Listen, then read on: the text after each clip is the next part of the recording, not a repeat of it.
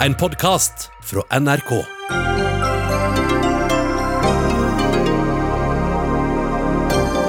Kortere åpningstider og maks tre barn per voksen, det er noen av endringene som må til når landets barnehager skal åpnes for flere hundre tusen barn i neste uke.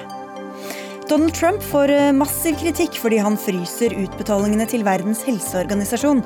Kuttet kan også gå utover USA selv, sier Folkehelseinstituttets Preben Aavitsland. Korps, idrettslag og andre frivillige organisasjoner i Norge etterlyser økonomiske tiltak. Men Høyre vil prioritere å sikre andre arbeidsplasser. Og i Kristiansand kan folk få øl levert på døra rett fra bryggeriet. Det liker ikke KrF.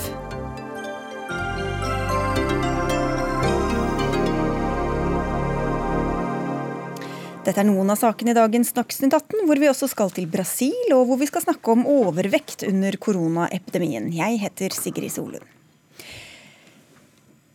Ja, om bare få dager skal rundt 275 000 barn komme tilbake til eh, landets barnehager. Til lekekamerater og turer i nærmiljøet, men også til hyppig håndvask, kortere åpningstider og færre barn per voksen. Det er nemlig noen av tiltakene i den nasjonale smitteveilederen for gjenåpning av barnehager, som ble lagt fram for to eh, timer siden. Hovedsakelig jobbet fram av Folkehelseinstituttet og Utdanningsdirektoratet. Og kunnskap- og integreringsminister Guri Velby, vi snakker om eh, vimsete ettåringer og trassige treåringer som altså skal overholde nye, strenge regler på et begrensa areale. Hvordan skal dette gå? Ja, altså På alle mine besøk i barnehager så har jeg for så vidt alltid blitt uh, positivt overraska over hvor godt orden de ansatte greier å holde på ungene. Mer enn det jeg greier på mine egne, i hvert fall.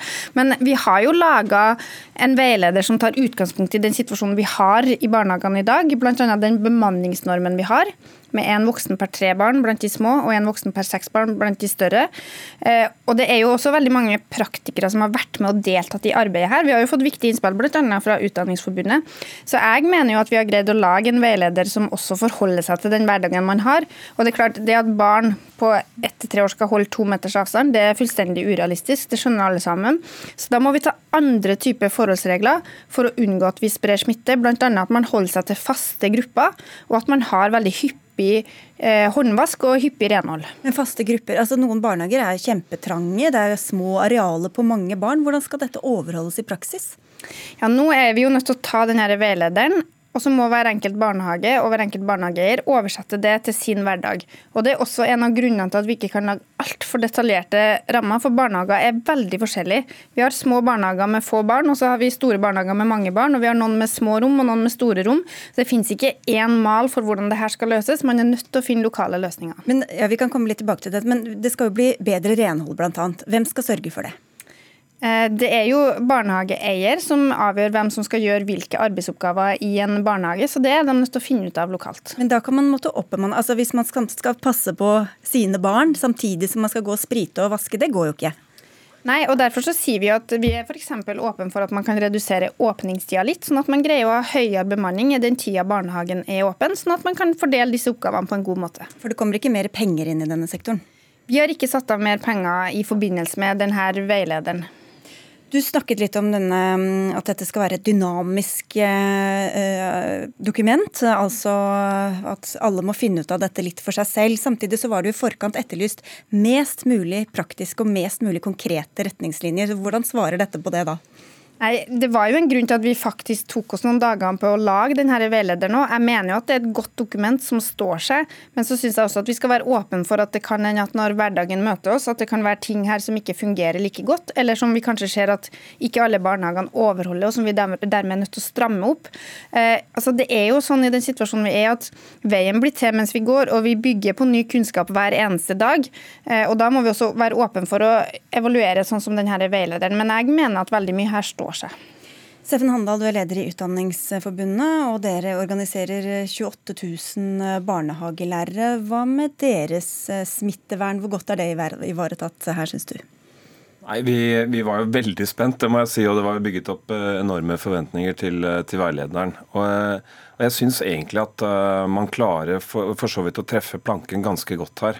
Nå har ikke jeg lest alt i detalj, men, men jeg tror det viktigste er det at man satser på små og stabile grupper og at man peker på behovet for at syke barn og voksne ikke kommer i barnehagen. Eh, Guri Melby har gjort eh, kloke vurderinger når det eh, gjelder å, å utsette barnehagestarten fram mot 27. hvis ikke barnehagen er klar.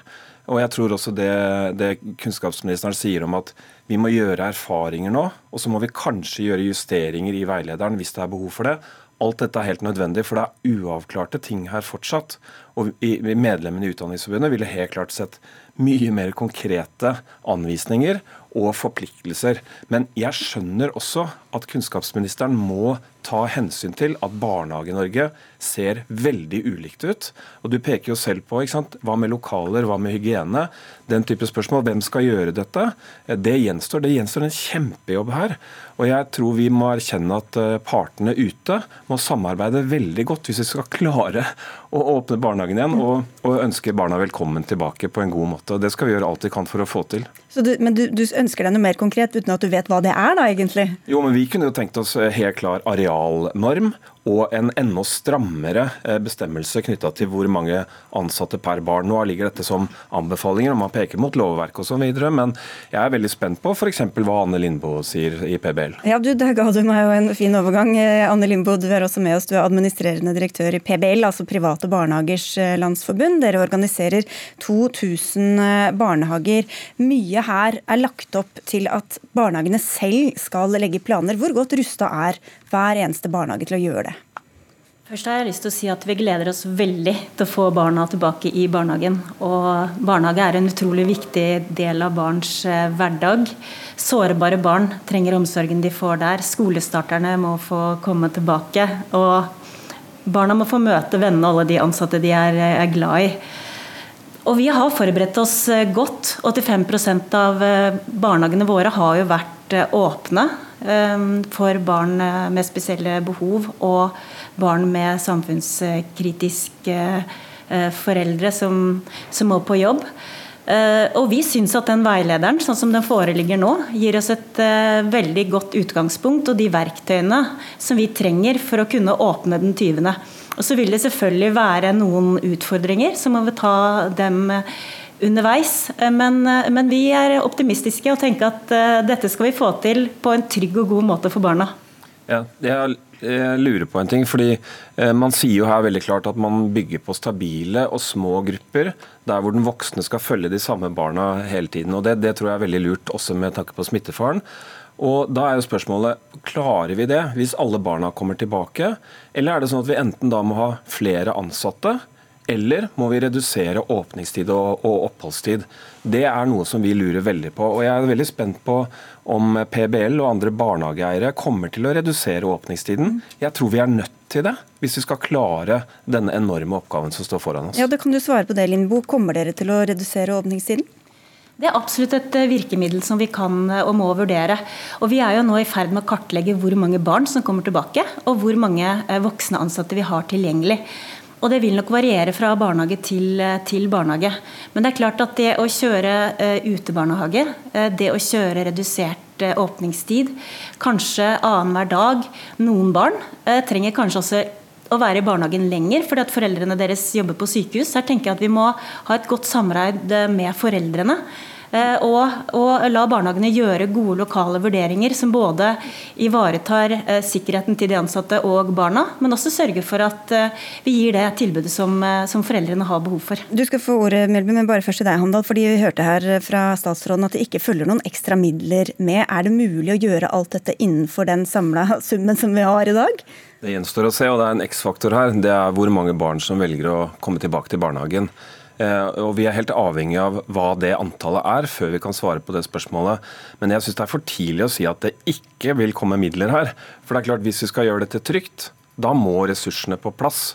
Vi kan ikke gjøre dette til et økonomisk spørsmål. Det må, som statsråden har pekt på mange ganger, det må være sikkerheten og tryggheten som går først, og hensynet til helse. Altså nå, jeg tror jo nå Vi får veldig godt betalt for den jobben vi har gjort de siste åra med å nettopp øke bemanninga ganske kraftig i barnehagene. Vi vedtok jo en bemanningsnorm eh, for noen få år siden, og som vi nå ser at nesten alle barnehager faktisk oppfyller. Og Det betyr jo at vi har én voksen per tre barn på småbarn og én voksen per seks barn på store barn. Og så vet alle at det er ikke sånn hele dagen, og at det er utfordringer for å få det her til å gå opp. Men jeg tror også at vi må ha litt is i magen nå og se litt hvordan det her blir. Og så har jo jeg lyst til å føye til at jeg vil jo gjerne oppfordre alle til å sende sine barn i barnehagen så lenge de er friske. For jeg tror det er det beste for alle barn, og at man ikke nå skal holde dem hjemme bare for å være føre var, for det er trygt. Så jeg håper at alle barn som kan, kommer i barnehagen, og vi skal greie å ta dem imot. Men det er jo ikke sikkert, og det er jo, Forskningen viser jo at jo ikke, barn blir jo ikke særlig syke av dette, og, og kanskje ikke smitta heller. Men samtidig så vet vi heller ikke helt om de er uh, smittebærere for andre. Så hva med alle den som er redde for seg selv, for søsken, besteforeldre osv., som derfor vil holde barna hjemme? Vi vil jo anbefale at man da gjør en individuell vurdering. Hvis man er i en familiesituasjon der man opplever at risikoen er for stor, så må man gjøre den vurderinga sammen med legen sin og sammen med barnehagen og finne ut hva som er best for den familien. Men for det store store flertallet av barn så vil det være trygt å gå i barnehagen. Og all den kunnskapen vi har fra andre land viser at barn både blir lite syke og at de også er mindre smittebærere enn det voksne. Vi har, vi har, full tillit til at myndighetene gjør de kloke vurderingene når det gjelder smittevern her. Og jeg har heller ikke noe grunn til å advare eh, foreldre om å sende barna sine i barnehagen. Dette skal vi få til, men vi må samarbeide godt hvis vi skal gjøre dette tilbudet forsvarlig. Men så vet vi Anne Limbo, at uh, det er ikke alltid helt forutsigbart heller hvor mange som kommer på jobb. Barnehageansatte kan jo også bli syke. Er det en fare for at, at det er lett at økonomien går foran smittevernhensyn også i barnehagen i i en sånn travel hverdag? Nei, det vil ikke gjøre. Og Et eksempel på det er jo at eh, vi har jo holdt åpent i påsken, eh, helligdager på ettermiddager, uten å få noe økonomisk kompensasjon eh, for det. Fordi vi er først og fremst avhengig Men da er det jo nesten ingen andre barn der. Da, da har dere vært nesten alene i barnehagen. Nei, det har ikke vært veldig mange barn der. Men vi har hatt et tilbud sånn at de foreldrene der begge har vært på sykehuset f.eks., har uh, kunnet komme seg på, på jobb. Uh, og det er noe vi med glede uh, bidrar med inn i, i samfunnsdugnaden. Og så har jeg også bare veldig lyst til å understreke det som Guri Melby sa i stad. For jeg syns det er så viktig at foreldre skal ikke være redde for å sende barna sine i barnehagen. Jeg er jo selv utdanna uh, barnelege og kan si med hånda på hjertet at dere skal ikke bekymre dere. Og man skal heller ikke ha dårlig samvittighet eller føle seg som en dårlig forelder eh, som sender barna sine i, i, barnehagen. Og det vi var inne på i stad med hvor stor risiko det er for at barn smitter andre. All forskning og all kunnskap vi har nå tilsier jo at barn er lite smitteførende så lenge de ikke har eh, symptomer. Og har de symptomer, så skal de jo ikke i, i barnehagen. Og I Sverige, Island, Kina, mange land har de holdt barnehager og skole åpne uten at det er kommet alvorlige sykdoms- eller smittetilfeller verken hos, hos barn eller eh, ansatte. Så barnehagen barnehagene er trygge, ja. så vi gleder oss igjen til å ta imot barna deres. Vi satser på det, men helt på tampen her, Steffen Handal. Vi har snakka mye om barnehagen som en viktig læringsarena. og Så blir det noe tid igjen til det i det hele tatt, når man må gå og sprite og vaske og holde avstand? det gjenstår å se, men eh, det er, det er klart det må være mer enn en oppbevaring, dette. Vi skal jo se, tross alt følge Eh, barnehageloven og rammeplanen, regner jeg med. Så jeg tror vi må, vi må, basere oss på at pedagogene der ute eh, gjør en god jobb fortsatt, og etterlever det som er for, lov og forskrift. Nå nikkes det ivrig fra Guri Melby her. og det er jo mye læring i det òg, da. Takk skal dere ha alle tre for at dere kom til Dagsnytt 18. Dagsnytt 18 alle hverdager klokka 18.00 på NRK P2 og NRK2.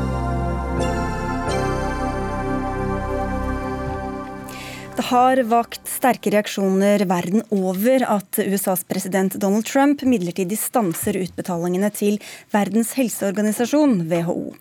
Kinesiske myndigheter er blant de bekymrede. De mener avgjørelsen undergraver det internasjonale samarbeidet mot pandemien. WHO selv sier at de retter all oppmerksomhet mot å redde liv. Preben Aavitsland, vi har deg ofte med i sendingene som overlege ved Folkehelseinstituttet, men du har også vært rådgiver for flere av WHOs eh, komiteer. Og Hvilke konsekvenser kan det få for arbeidet der eh, at USA nå kutter denne støtten? Det kan få alvorlige konsekvenser. WHO eh, er helt avhengig av budsjettmidler fra medlemslandene. Og USA bidrar jo med rundt 15% av budsjettet. Og Det er ikke noe stort budsjett WHO har, det er på størrelse med budsjettet til Bergen kommune. Så når USA trekker ut 15% av det, så, så svir det virkelig. Hva er, det, hva er, det, WHO gjør egentlig, som det da kan bli kutt i? WHO bistår jo alle verdens land med å bekjempe epidemier. Og særlig de fattigere landene har jo stor nytte av dette. F.eks. nå så eh, bidrar de jo til å stoppe Eh, epidemien av ebola i Kongo, pluss en rekke andre epidemier. Og helsehjelp i Syria, Jemen og mange andre steder. Så dette er virkelig, virkelig trist og, og, veldig dumt av USA. For på sikt så kan dette også ramme USA. Eh, eh, altså det, det, det, det, er jo sånn at WHO eh, bekjemper jo å få adgang i alle verdens land. Også land der USA ikke får adgang. Mm. Så da kan WHO forebygge epidemier i Iran eller Nord-Korea og sånt der USA ikke kan gjøre det på egen hånd. Og epidemier i ett land blir fort, som vi har sett, en trussel for alle verdens land, også for USA. De kan ikke isolere seg fra resten av verden. Korrespondent til vanlig i USA, Anders Magnus. WHO hadde pressekonferanse rett før vår sending her. Hva var budskapet derfra da? Det var et nokså dempet budskap om at eh, dette var leit, og at eh, penger trengs eh, absolutt nå i denne situasjonen. Men det har jo vært sterke reaksjoner i USA på, på denne bestemmelsen. Republikanske folkevalgte i Kongressen er veldig fornøyd med vedtaket og sier at det burde kommet for lenge siden. De har lenge vært sterkt kritiske til WHO og den måten organisasjonen har behandlet dette viruset og pandemien på. Og så har du de eh, negative reaksjonene fra demokratene, som påpeker at uh, dette er bare et forsøk på å skyve ansvaret over fra sin egen treghet, altså Trumps egen mangel på tiltak, og skyve det over på WHO i stedet for.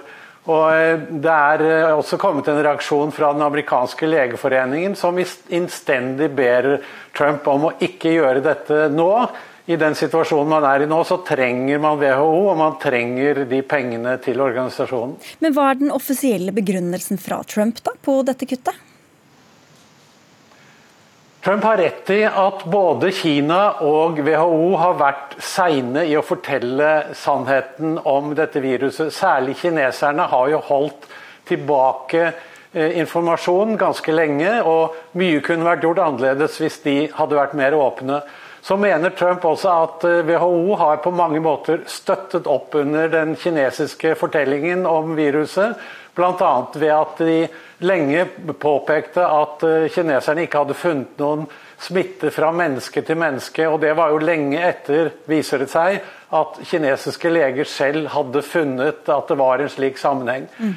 Men når vi ser bort fra den offisielle forklaringen og ser over på hva som kan ha ligget til grunn for at han gjør det akkurat nå, så er det vel heller det at han har blitt utsatt for veldig mye kritikk for at han selv ikke har gjort noe særlig i de seks ukene som gikk fra han innførte reise, innreiseforbud fra Kina til han erklærte nasjonal eh, krisetilstand. Eh, og de seks ukene er kritiske, mener eh, mange. Da burde Trump gjort mye mer.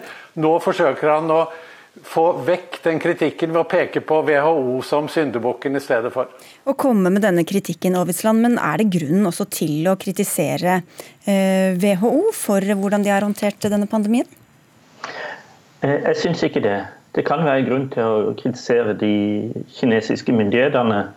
At eh, kanskje i en ukes tid så var de litt for seine med å fortelle verden at dette viruset faktisk smitter mellom mennesker så skal vi huske på at WHO de har ikke større makt eller større muligheter enn landene er villige til å gi dem. Og USA og Kina har ikke vært villige til å gi WHO noe, noe særlig makt.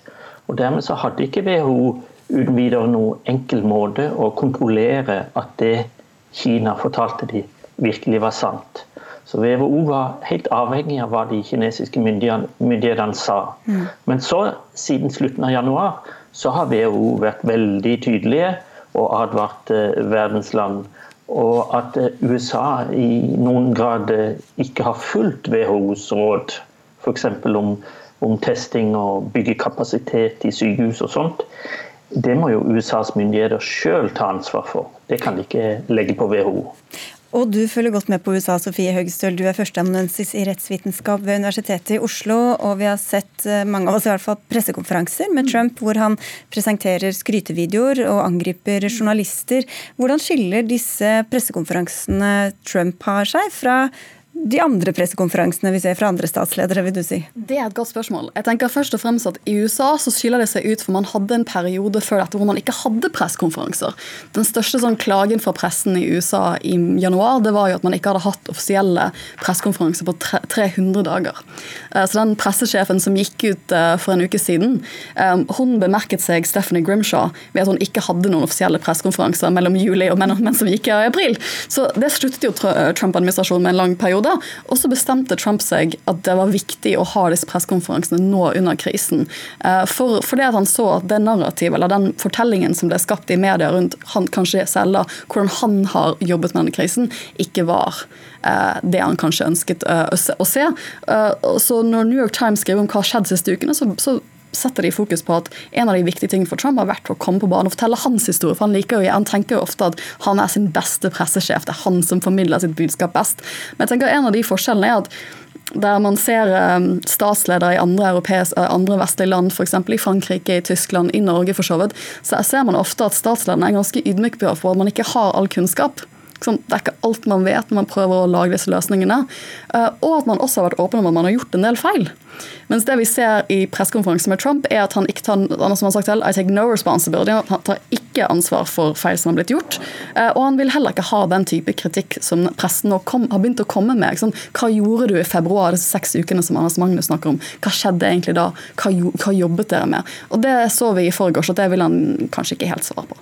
En som ofte dukker opp eh, på disse pressekonferansene, eh, som vi har snakket om også her i studio, er smitteverneksperten Anthony Fauci. altså Trumps mm. egen eh, smittevernekspert. Så han har jo sagt seg uenig med Trump ved flere anledninger, men likevel har han fått beholde jobben inntil videre, i hvert fall. Ja, og det var en av de store tingene det var knyttet litt forventninger til i går. Det var at Trump hadde tydeligvis retweetet en eller annen sånn kritisk tweet om at han burde sparkes. Eh, og det var det mange som tok som et dårlig signal for Anthony Fauci. Han er jo en mann som har sittet eh, i denne type ledelsesstillinger i mange, mange tiår. Eh, så han har vært mange administrasjoner, det er mange amerikanere som føler seg tryggere når de hører han snakke, for de forbinder han ikke med politikk. Han er en fagperson som står der og prøver å formidle fag på best mulig måte. Ehm, men det er vanskelig å treffe på disse pressekonferansene. Og det er interessant at han har valgt å begynne å ha de igjen etter en lang periode hvor han ikke har hatt de. Mm. Hva med det, Preben Aavitsland, blir du lettet når du ser Fauci dukke opp eh, på skjermen? Ja, det, det gjør jeg. Men, men en, en, rolle er jo totalt fraværende her. Og Det er jo det amerikanske folkehelseinstituttet, eller CDC, vårt søsterinstitutt de, de, er ikke til stede i det hele tatt. Og, og, rundt i verden så sitter mange fagfolk og lurer på hvor er CDC? De har jo liksom vært fyrtårnet for alle andre eh, smittevernere rundt i verden. Og, og, i denne situasjonen så er de helt, eh, helt fraværende, dessverre. Så hvis Sverige er den ene enden, så ligger Norge i midten, og så er USA i den helt andre enden, eh, Anders Magnus. Men hvordan blir dette mottatt i eh, USA, hele denne strategien? Den blir eh, mottatt delt, som alt annet. Trump har jo eh, eh, Han gikk litt fram på meningsmålingene rett etter at han begynte med disse daglige pressekonferansene, og inntok en ganske alvorlig, seriøs rolle, hvor han støttet seg mye på helseekspertene sine, særlig Fauci og Berks. Men eh, så begynte han å arrangere pressekonferanser av det mer vanlige slaget, hvor han skjeller ut journalister, hvor han snakker om andre ting, hvor han sier ting som senere må bli rettet opp av bl.a. Eh, dr. Fauci. Og etter at han har begynt eh, med sin eh, så å si vanlige måte å snakke på, så har eh, opp, oppslutningen om ham på meningsmålingene gått eh, nedover igjen. Og han ligger nå omtrent på samme nivå som eh, før denne koronakrisen. Og mange spør seg nå, når vi så dette, denne veldig bisarre pressekonferansen han hadde for to dager siden, om Trump nå kommer til å bli eh, mer og mer eh, uvanlig, for å bruke et litt forsiktig uttrykk, eh, enn han har vært tidligere. At han føler seg presset, så å si, i denne situasjonen.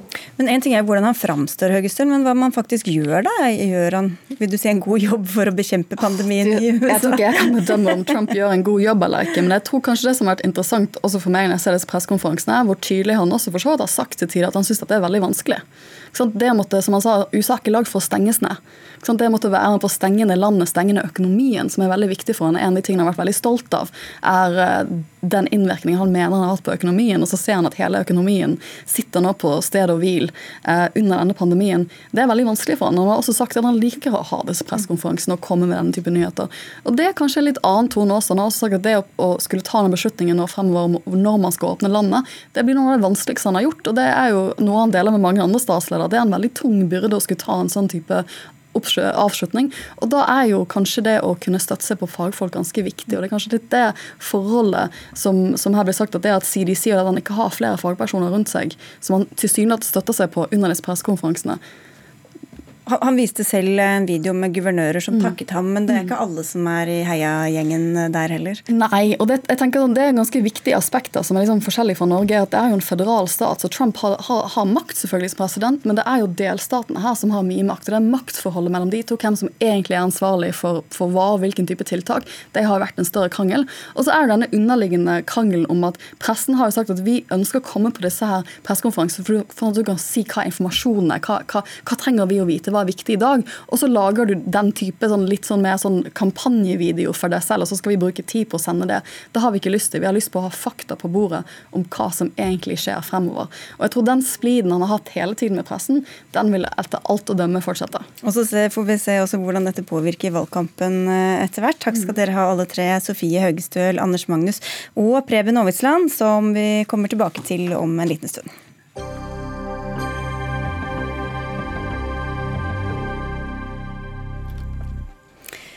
Og mot slutten av sendinga skal vi også diskutere levering av øl direkte på døra fra bryggeriet. Det har de nemlig åpnet opp for i Kristiansand. Men før det til noe helt annet. Korps, rushjelp, idrettslag og andre frivillige organisasjoner sliter med å holde hjulene i gang. Aktiviteter må utsettes eller avlyses, innsamling av penger faller bort og ansatte må permitteres. Mens andre sektorer har fått eh, tiltakspakker under koronakrisa, har ikke frivillig sektor fått det dere mener dere trenger, i hvert fall. Stian Slåtterøy Johansen, du er generalsekretær i Frivillighet Norge. Hvordan er den økonomiske situasjonen for deres medlemmer da? Ja, det vi ser er at Mange av de frivillige organisasjonene har fått mer å gjøre, og så har de mista mange av mulighetene sine til å skaffe seg inntekter. Eh, og Derfor så mener vi at eh, det er behov for egne krisetiltak som er retta mot, eh, mot bredden av frivillige organisasjoner. Men hvordan er det de, eller hva er det som gjør organisasjonslivet spesielt i forhold til andre vanlige bedrifter, for å si det sånn? Ja, det er jo mange ting. Ehm, men én eh, ting som er eh, spesielt, er jo at eh, organisasjonene sine inntekter de kommer ikke fordi de selger en, en vare eller en, en, tjeneste. Og Dermed så er det ikke sånn at det er en, en nødvendig sammenheng mellom aktiviteten i organisasjonen og inntekten til organisasjonen. Eh, så det er ikke, Noen ganger nå så mister organisasjonene muligheten til f.eks. ha en basar eller et eh, loppemarked, eller å motta kollekt fra en gudstjeneste, eller å verve eh, givere på, på gata. Og Det betyr jo ikke at det ikke er behov for organisasjonene. fordi deres målgruppe trenger jo fortsatt støtte fra, uh, fra organisasjonene. De, de, jobber nå med å formidle informasjon, de jobber med å uh, hjelpe de som trenger det fordi de er isolert i hjemmet sitt. De jobber med å uh, følge opp rusavhengige, papirløse som har mistet overnattingstilbud osv. Så, videre. så mm. behovet er jo fremdeles veldig stort. Kristin Ørmen Johnsen, du er leder familie- og kulturkomiteen på Stortinget og representerer Høyre. og Dere er jo generelt veldig opptatt av eh, frivillighet. Et søk i partiprogrammet deres gir mange treff. Jeg kan sitere frivilligheten er sentrale bidragsytere til den velferden vi har i samfunnet. Frivilligheten skaper lokalt engasjement og fellesskap. Høyre ønsker å legge til rette for størst mulig frivillig engasjement i idrett og kultur, bygge opp under den frivillige innsatsen osv. osv. Det er jo bare ord her, da. Hvorfor følger dere ikke opp i praksis?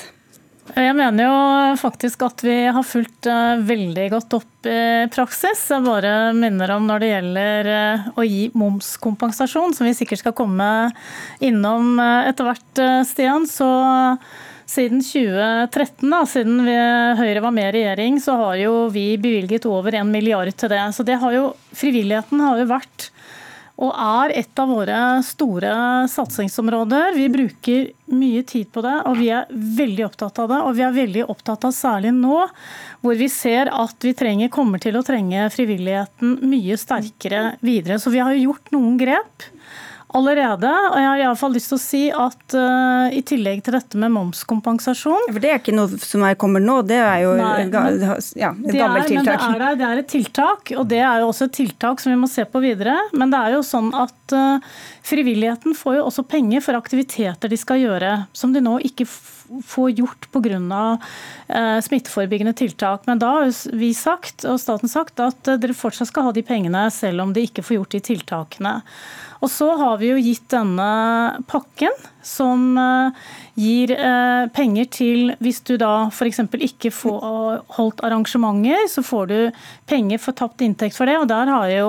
For billettinntekter. Eh, det er billettinntekter, ja. så det gjelder jo også frivilligheten. Og vi har satt av en egen pott på ca. 100 millioner som vi nå skal se på hvordan vi kan bruke for å rette inn mot den frivilligheten. Ja, til, til de inntektene, bare til deg Jonsen. Eh, hvorfor, hvorfor holder ikke dette, mener dere? Vi ser at de tiltakene som har kommet og som er bra, de når ikke bredden av frivilligheten, dessverre. Og disse eh, billettinntektene eh, har Det er såpass mange begrensninger i den ordningen at eh, det er mange organisasjoner som melder til oss at deres arrangementer kan ikke benytte seg av den ordninga. Det, det, vil først og fremst være for de største arrangørene. Og Det er jo et problem, for det er jo ikke bare de største arrangørene som er avhengig av de inntektene som arrangementene gir. Men altså, Man tenker jo frivillighet, at det skal jo være frivillig. Så hvorfor skal mm. man egentlig ha så mye penger inn i dette systemet? Altså, det er jo en stor økonomi i, i, frivilligheten. Eh, det er i Norge i dag ca. 100 000 lag og foreninger. Eh, og van, altså på et vanlig år da, så har de om lag 30 milliarder kroner i inntekt fra ulike kilder. Og En del av det er fra det offentlige, men veldig mye er innbetalt fra medlemmer og fra de som er aktive, og fra andre som støtter opp. Og Det er jo de inntektene som man er veldig bekymra for. De... Ja, for det hjelper jo ikke de som, Alle de som organiserer loppemarked for å holde korps i livet, de kan ikke bruke billettkompensasjonsordninger? Nei, det kan de ikke. Men nå har vi, vi har, jeg må jo si at først og fremst så har vi jo i denne krisen konsentrert oss om næringsliv.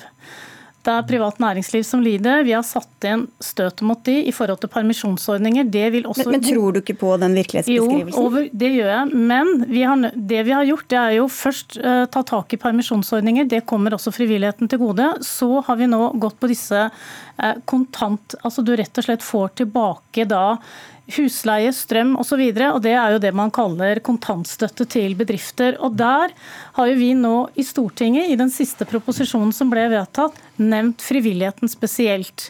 Fordi at de har ikke eh, kommet innunder den ordningen, men nå har vi gitt en beskjed til departementet om at de skal komme tilbake til Stortinget og se på hvordan kan frivilligheten komme inn under denne kontantstøtteordningen. Ja, og Det er veldig bra at du sier det, og vi er kjempeglade for det. Men vi er skuffa over at man ikke fikk med frivilligheten i utgangspunktet der. For det er jo mange som driver eh, på linje med et overnattingstilbud som er kommersielt, men som driver kanskje innenfor turistforeninger, en turisthytte, eh, som også har måttet miste hele muligheten til å tjene inn det de skulle bruke resten av året på å drive organisasjonen. Eh, og Da syns vi det var veldig skuffende at man ikke fikk med de i den ordninga. Men det er et bra signal at det vil komme. Det kan komme mer da. Men samtidig så alle, alle etterlyser jo tiltak for sin eh, sektor. Det er jo ikke mm. ubegrensa midler. Så hvem er det som ikke skal få da, hvis dere skal få? Det som er Poenget her er jo hva, hva, skjer hvis man ikke får denne støtten. Da er det jo veldig mange som mister uh, sine tjenester som de trenger. Altså, vi vet jo Organisasjoner er jo f.eks. nå så driver de oppfølging av, uh, av hiv-syke som ikke får den informasjonen og oppfølginga som de trenger fra helsevesenet, fordi man prioriterer selvfølgelig eh, koronasituasjonen. Da må organisasjonene trå til. Men hvis ikke de har muligheten til det, så er det jo okay. Men Smittede skal få oppfølging av Og det kan komme mer, sånn som jeg hører deg. Det jeg sier, det, vi ser på dette, men vi har faktisk prioritert de som er i ferd med å gå konkurs og miste levebrødet sitt. Og så ser vi på frivilligheten etterpå. Frivilligheten etterpå. Og så har, jeg, har ikke du bursdag i dag? Jeg må bare gratulere deg også. Jeg tror dere forveksler oss med Nitimen. Men... Sorry, Gratulerer med dagen da, og si tusen takk for at dere kom. Men jeg vil bare si at Vi har ikke glemt frivilligheten. Okay, dere bare har ikke gitt noen penger dit ennå, men uh, kanskje det kommer da. Ok, Greit, takk skal dere ha begge to. Stian Slåtterøy Johnsen, eh, gratulerer med dagen til deg. Og Kristin Ørmen Johnsen, takk skal du ha for at du kom.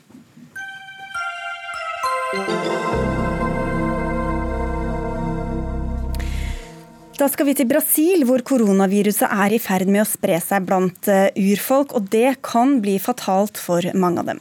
Torkjell Leira, du er samfunnsgeograf og forfatter av boka 'Kampen om regnskogen sannheten om Norge i Brasil'. Fortell først, hvorfor er urfolk spesielt sårbare?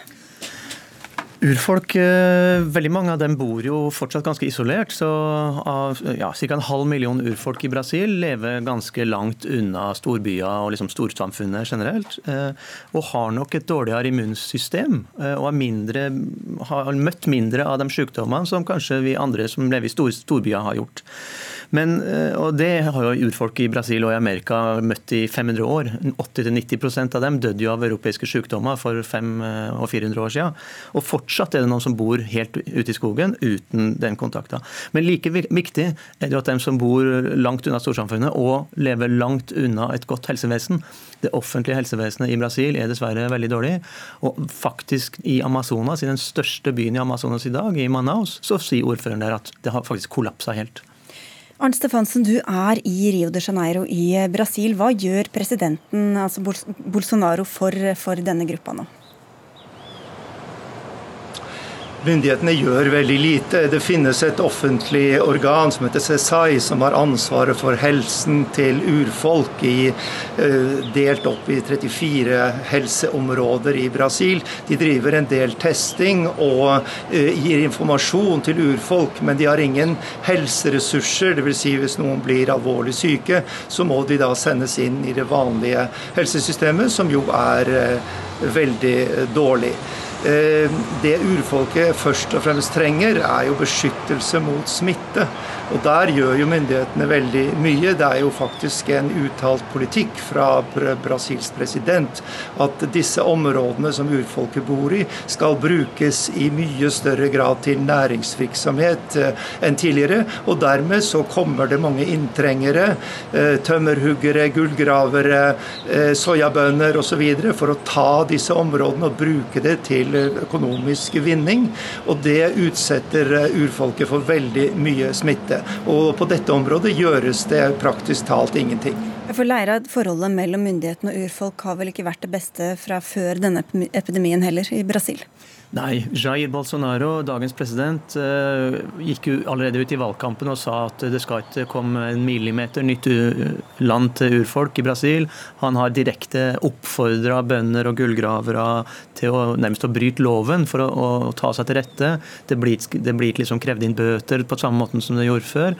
Så der har det vært full eh, gass på all mulig slags utbytting av ressurser i Amazonas, og full brems på beskyttelse av skog og beskyttelse av urfolks mennesker menneskerettigheter. Og akkurat nå så er det det forholdet på det aller verste siden han tok over. Arne Stefansen, på landsbasis i Brasil er det vel 25 000 bekreftede smittede og 1557 døde av covid-19 var det siste tallet vi fikk. Hvordan håndterer helsemyndighetene det som skjer, også for de som ikke er urbefolkningen? da? Det er jo sånn at Brasil på de i de fleste områdene har satt i verk ganske strenge smitteverntiltak. Eh, eh, full nedstenging av samfunnet. Dere ser Ipanema-stranda bak meg, som vanligvis er full av folk både rike og fattige, eh, den er jo da folketom, fordi det er forbudt å bevege seg på strendene her i Rio. Og eh, samfunnet er stengt ned på samme måte som ellers i, eh, i, verden, og man oppfordres til å holde seg hjemme, hvilket jeg stort sett gjør. Slik at det er jo situasjonen sånn når det gjelder, gjelder tiltak.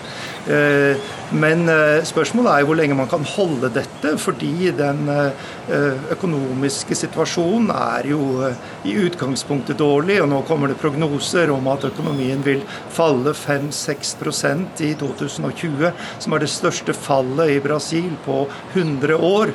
Eh, slik at det er en, en veldig, veldig dramatisk situasjon nå i forhold til hva man kan gjøre videre, og hvor lenge man kan holde disse strenge tiltakene. Mm. Og her har jo igjen president Jair Bolsonaro utmerket seg ved å være veldig eh, eh, kritisk til eh, disse strenge tiltakene. Ja, og Han har jo Leira, ikke bare uvenner blant ufolk, ubefolkningen, men også blant sine egne rekker. Hva er det som har skjedd der?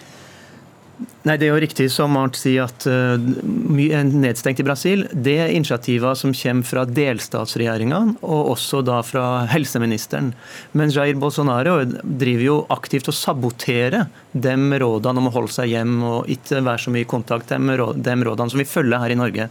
Det var som om uh, Erna Solberg skulle gått ned på Karl Johan annenhver dag og hilsa på folk og bare sagt at nei, det er ikke så farlig, det er bare en liten influensa. Det er det Jair Bolsonaro holder på med i Brasil i dag. Eh, så Han møter jo stor motstand i delstatene. Han møter stor motstand i, hos, eh, i helseministeriet sitt. Men der ser det noe ut til at helseministeren han ryker. All brasilianske aviser skriver det i dag. Han sitter på en oppsigelse. Han blir, han blir kasta ut av regjeringa nå i løpet av denne uka her og hans nærmeste medarbeidere, som har stått i spissen for koronatiltakene og frontinga av det i media, de begynner å si opp nå. Så det er en stor stor splittelse også innad i Brasils regjering. Og denne splittelsen, Hvordan blir den mottatt hos folket, folk, Arnt Stefansen? 75% av Brasils befolkning sier i meningsmålinger at de støtter de strenge smitteverntiltakene. Men de som støtter Bolsonaro, eh, saboterer også i stor grad eh, disse tiltakene ved å gå ut og, og gjøre helt andre ting enn helseministeren ber dem om. Eh, og det er jo en, eh, en, veldig dramatisk situasjon nå, at man faktisk ser mer og mer folk i gatene, både her i Rio og Sao Paulo, ikke minst, den største byen, som jo har de aller fleste av eh, tiltakene som er satt i verk. Men Hvordan vil du sammenligne Brasils håndtering og også utspredelsen av, eller, av denne smitten i Brasil sammenlignet med andre land i Latin-Amerika? Altså, Som du nevnte, Brasil har ca. 25 000 registrerte smittede og rundt 1500 døde. Men det, disse tallene, i hvert fall smittetallet, er jo veldig, veldig usikkert. fordi man tester altså da ca. 300, eller har testet ca. 300 per million her i Brasil, mens man da i Norge så vidt jeg ser, har testet 23 000 av en million. Altså Tallene er veldig usikre, og det kommer nå flere rapporter om at det sannsynligvis er et sted mellom 250 og 300 000 smittede i Brasil. Eh, andre land som man kan sammenligne med, er eh, Chile, Ecuador, Peru, som er de tre andre landene som ligger øverst på lista over registrert smittede. De har stort sett satt i verk de samme tiltakene som Brasil. Men eh, Chile f.eks. har jo mye høyere grad av, av, testing og virker bedre forberedt på denne pandemien enn en Brasil. Og i Ecuador har vi hatt disse grusomme historiene om lik i gatene fordi helsevesenet er blitt totalt overbelastet. Ja, jeg tenker jo at eh, Som ordføreren Manaus sier, der er det kollaps. Eh, han kritiserer sin egen president for å være en alliert av viruset. Så det som vi ser i Brasil er veldig veldig alvorlig. Og det er nesten litt sånn uforståelig. Hvorfor vil en president eh, gjøre sånn som det her? Jeg tenker det at han nå gambler på at eh, smittetallene og dødstallene skal bli litt lavere enn det man frykter. Han gambler på at kanskje folk vil glemme det, og tenker litt sånn strategisk langsikt og gjenvalg i 2022. Det er i hvert fall min analyse. Takk for den, Torkjell Leira, og takk også til Arnt Stefansen med fra Rio de Janeiro. Hør Dagsnytt 18 når du vil. Radio NRK Radio.nrk.no.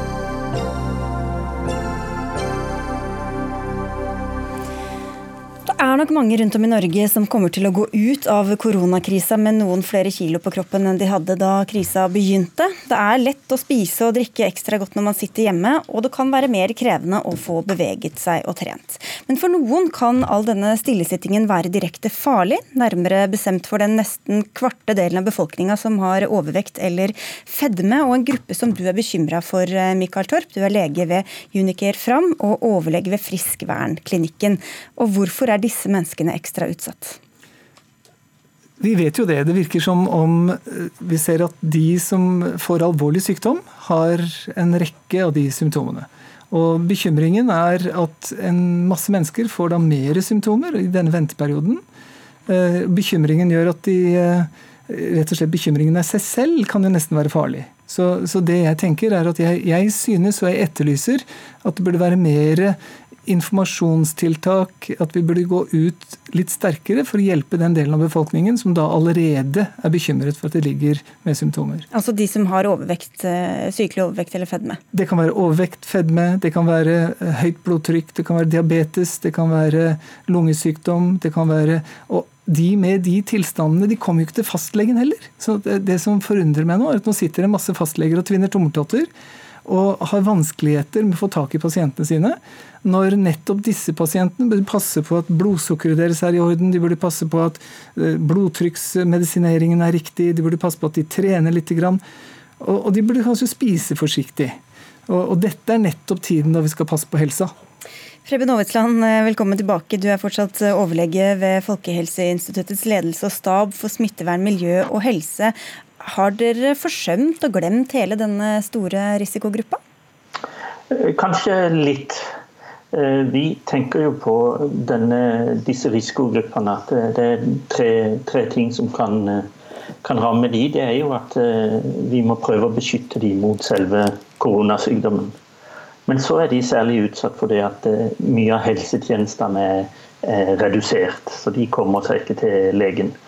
Og så er det at de har noen risikofaktorer som kanskje blir verre nå i denne tida.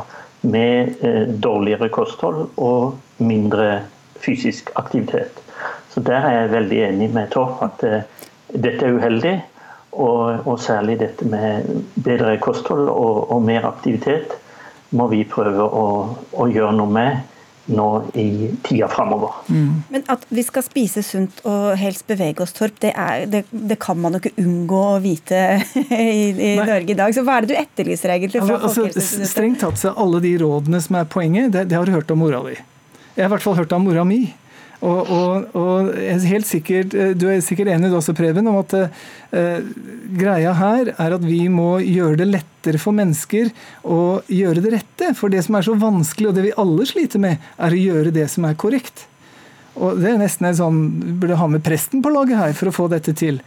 Men eh, det å, det å, øke interessen for de som sliter nå, til å kunne gjøre et eller annet for å rette opp helsa, det må være viktig. Og nå har vi en god anledning til å gjøre det. Men Hva er det, hva er det Folkehelseinstituttet skal gjøre da for denne gruppa, mener du? Og for det første så har Folkehelsa de har, jo, de har jo en stab av kjempedyktige folk som da har allerede utarbeidet hva som er god mat, hva som er fornuftig trening, hva som er riktig med hensyn til søvn, hva som er uh, fornuftig i forhold til uh, følelseslivet ditt, emosjoner. Uh, jeg syns at dette må være tiden når folkehelsa får økte overføringer til å kunne sette i gang en kraftig kampanje. Altså, Hva kan du gjøre for å bedre helsa di? Og sette av en plass til på alle pressekonferansene dere har hver dag i Åvidsland til å si litt mer om hva hver enkelt av oss kan gjøre, da. Ja, det er en god idé. Jeg tror vi skal snakke med våre venner i Helsedirektoratet om dette. Og se om vi kan eh, ta mer hensyn til alle de som nå sitter hjemme. Både kosthold og, og fysisk aktivitet. Men så skal vi også se om vi kan eh, engasjere kommunene litt. For nå er det jo da mange i kommunene, f.eks. i kommunenes friskvernsentraler som, som kanskje også sitter og mm. tvinner litt tommeltotter. Kanskje vi kan engasjere de til nye måter å komme i kontakt med de brukerne som trenger å opprettholde fysisk aktivitet. Ja, Det tror jeg er veldig lurt, for jeg tror det kom et vakuum og det ble en eh, engstelse og en uro for at alle som driver nettopp og jobber med, med pasienter i denne risikogruppen, de ble redde for å gjøre noen ting. Eh, på Friskvern i Asker så så tok vi rett og slett og slo om fullstendig med en gang til, til internettbaserte løsninger. Og det fungerer jo kjempefint, og det er inspirerende, og, og alle pasientene er liksom med på den, den, sløyfa nå. Men hva skal de gjøre, de som sitter i en trang leilighet og ikke tør å gå ut fordi at de er i risikogruppa? Jeg er glad du spurte. Det er masse de kan gjøre. M-A-S-S-E. Og de som sitter og noterer her nå, kan skrive det opp. Skriv masse ovenfra og nedover. M-mat. Ikke sant? Dere vet hva du skal spise. Tenk kalori, og tenk søthet. A. Aktivitet. Ja, selvfølgelig. Det er aktiviteten som betyr noe. Alle er ikke konstruert for å løpe. Her skal man ut og bevege seg på den måten man trives med. Det er tross alt bevegelse som forhindrer katastrofer. Søvn Sover du ikke ordentlig, så vet vi at sover du for lite, så øker eh, eh, behandlingstiden for en lungebetennelse. Sover du for mye, så øker behandlingstiden for en lungebetennelse. Akkurat samme er det med covid. Så pass på at du sover godt med en god rutine. Stress. Vi vet at stress får, en, får du inn en veldig stressa pasient, så blir utfallet verre. Og til slutt så må du ta vare på følelseslivet ditt. Og selvfølgelig, dette er en perfekt anledning til slutt å røyke. Det var E for emosjoner, da? eller? E for emosjoner. Ikke sant? E for emosjoner. Okay. Så ta vare på det. Det ble reine seminaret, det her, men vi takker for det også. Vi Takk til deg, lege Mikael Torp, og til deg, Preben Aavitsland fra Folkehelseinstituttet.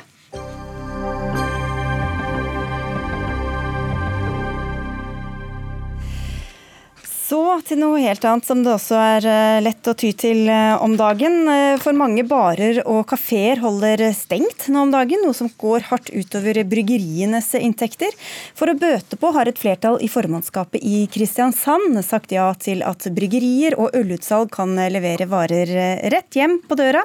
Inntil fire liter alkohol med opptil 4,7% kan man bestille i første omgang fram til 1.10. Og dette liker dere dårlig, Hans Fredrik Grøvan fra fra Kristelig Folkeparti, du sitter på Stortinget, men hva er problemet? Altså, nå er vi i den største nasjonale krisen siden andre verdenskrig. Vi jobber hver dag for tiltak for å redde liv eh, og berge helsa til folk. Da syns jeg det er et utrolig dårlig idé å liberalisere kommunens alkoholreglement, som gjør at eh, flere får muligheten til tilgang til alkohol. Ikke minst i forhold til alle de barna som vokser opp i heimer som er alkoholiserte. Jeg snakker jo om 90 000 barn. Eh, det å kunne få ytterligere tilgang på alkohol vet vi er et problem. Vi har nettopp feira påske. Vi vet at mange barn frykter høytidene fordi at de vokser opp i heimer med alkoholiserte foreldre. Da syns jeg at Kristiansand kommune burde ha valgt en annen løsning eh, enn å liberalisere eh, i en sånn situasjon. Da skal vi høre hvordan dere vurderte dette. Mette Gundersen, du er gruppeleder for eh, Arbeiderpartiets bystyregruppe i Kristiansand. Hvorfor gikk dere inn for dette? Du, norske kommuner gjør det de kan for å bistå lokalt næringsliv til å holde hjulene i gang. Og Kristiansand formannskap sa klart ifra om at vi heier på bedrifter som finner løsninger i en vanskelig tid, som f.eks. å eh, kjøre igjen varer, det være seg tekstiler, sko, blomster, mat, drikke osv. Og så fikk vi en konkret henvendelse fra Næringsforeninga i Kristiansand, eh, hvor det handla om en spesiell bedrift i dette tilfellet men det er jo også sånn at eh, flere andre eh, matvareforretninger allerede kjørte hjem eh, alkoholholdig drikke.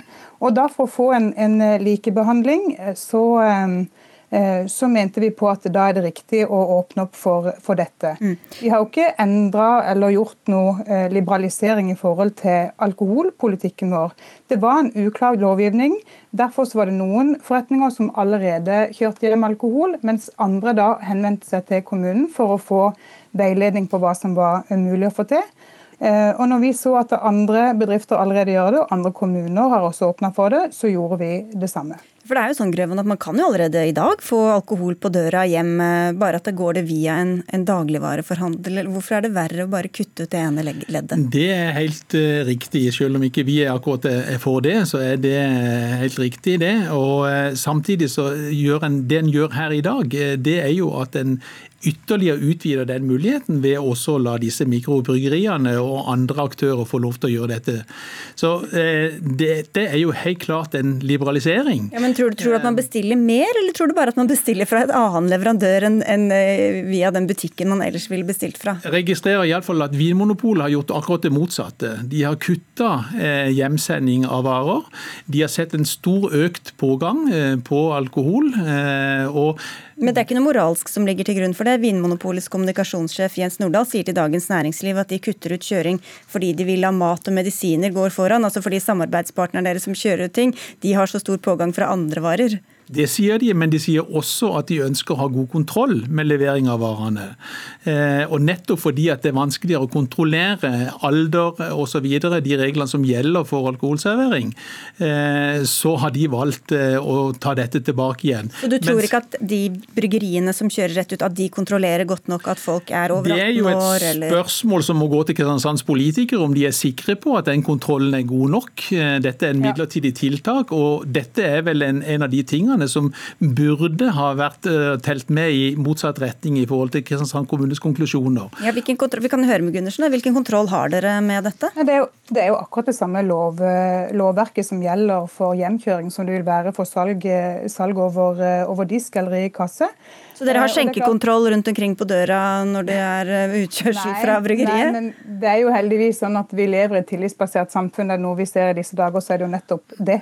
Og, eh, og, eh, det er ikke lov til å selge alkohol til eh, overstadig eller tydelig berusa personer. Og jeg snakka senest med en av, en av, disse leverandørene eller kjøpmennene i dag. Og de sa at det her har vi overhodet ikke opplevd som, som noe problem. Men om det hadde oppstått, så er det helt åpenbart at da hadde en ikke hadde den ikke foretatt det salget. Men jeg har lyst, til å si det én ting. og det eh, Jeg anerkjenner den kritikken på mange måter som KrF kommer med. Men hvis en virkelig mener at det er for de sårbare barna og familiene deres eh, eh, som, som, det bør være fokus, fokus, på nå, så tenker jeg at fire liter øl levert på døra neppe er den største utfordringa.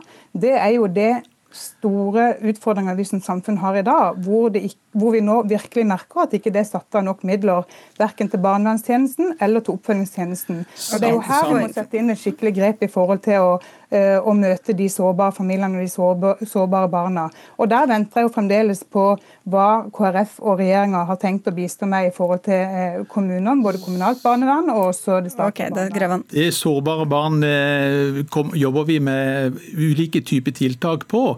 Det som er i dette tilfellet her, det er jo at en har veid næringslivshensyn opp imot sårbare barn, og valgt å tilrettelegge for Hvordan vet du at det er de som har sårbare barn, som bestiller disse øl altså fra et mikrobryggeri. Mm. Og så hvis du er veldig alkoholisert, så setter du deg vel ikke ned og bestiller to liter øl fra et mikrobryggeri? Når vi vet at alkohol er et problem for 90 000 barn, eh, så er det veldig viktige hensyn å ta i et samfunn hvor vi skal sikre liv og helse. Og spesielt i den situasjonen nå, hvor barn oppholder seg langt flere timer i heimen, isolert fra skolemiljø, barnehagemiljø osv. Så, videre. så jeg må jo si at det undrer meg veldig over den politikken som Arbeiderpartiet gjør seg til talspersoner for her. Et parti som jeg oppfatter står KrF veldig nært når det gjelder solidarisk ruspolitikk. Ja, er du ikke enig at her er det hensyn som må veies opp mot hverandre, hvor, du, hvor dere da har veid næringslivets, hensynet til næringslivet tyngst, Gundersen? Jo, vi har, vi har, avveid både det som går på det sosialpolitiske og det som går på rettferdighetsprinsippet, i forhold til at dette var en ordning som flere eh, forretninger allerede praktiserte. Eh, og så er det som du sier, i det Eh, enkelte tilfellet her så dreier det seg om eh, spesialbestilt eh, alkoholholdig drikke opptil 4,7% som ligger i en helt annen prisklasse enn eh, enn det en vanligvis får på en, eh, på en eh, dagligvareforretning. Men, men, jeg tenker at det, og dette ser jo vi hver dag som er lokale politikere, det er jo at utfordringer i forhold til oppfølgingstjenesten og barnevernstjenesten, særlig i disse tider vi er oppe i nå, de står i kjempekrevende situasjon. Og Da er det altså ikke ett enkeltvedtak som formannskapet i Kristiansand har gjort, eller andre kommuner i, i, Norge som har gjort akkurat det samme. Da er det ikke det vi må se på, da er det hvordan vi kan styrke okay, det, snak, det svarte du litt på i stad. Eh, fordi Gravan, helt på tampen her, da, dette, Vi har snakket med bedrifter som da slipper å permittere pga. dette tiltaket, hvor de da får flere oppdrag. Og det skal jo kompensere for all den alkoholen de nå ikke selger, så er det grunnlag for å si at folk drikker mer, eller bare drikker det et annet sted enn det de ellers ville gjort på puben? Det vet vi jo ikke enda. Vi har ikke fakta for det. Vi ser at Vinmonopolet har en kraftig økning av sitt salg. Samtidig så har jo regjeringen også levert, og Stortinget har jo levert, gode kompensasjonspakker nettopp for de bedriftene som på store inntekter i dag. Så de er viktige å ta vare på. Men i dette tilfellet her så har jo Kristiansand valgt ned på feil fot, der næringslivet er prioritert foran sårbare sårbare barn. Og så vil de sikkert si noe annet. Mette Gundersen, vi rakk ikke det. Takk skal du ha for at du var med fra Kristiansand, og takk til deg, Hans Fredrik eh, Grøvan. Dagsnytt 18 er over for i kveld. Det var Fredrik Lauritzen som hadde ansvaret for eh, innholdet. Hanne Lunås eh, hadde det tekniske ansvaret. Jeg heter Sigrid Solund, og vi ses og høres igjen i morgen.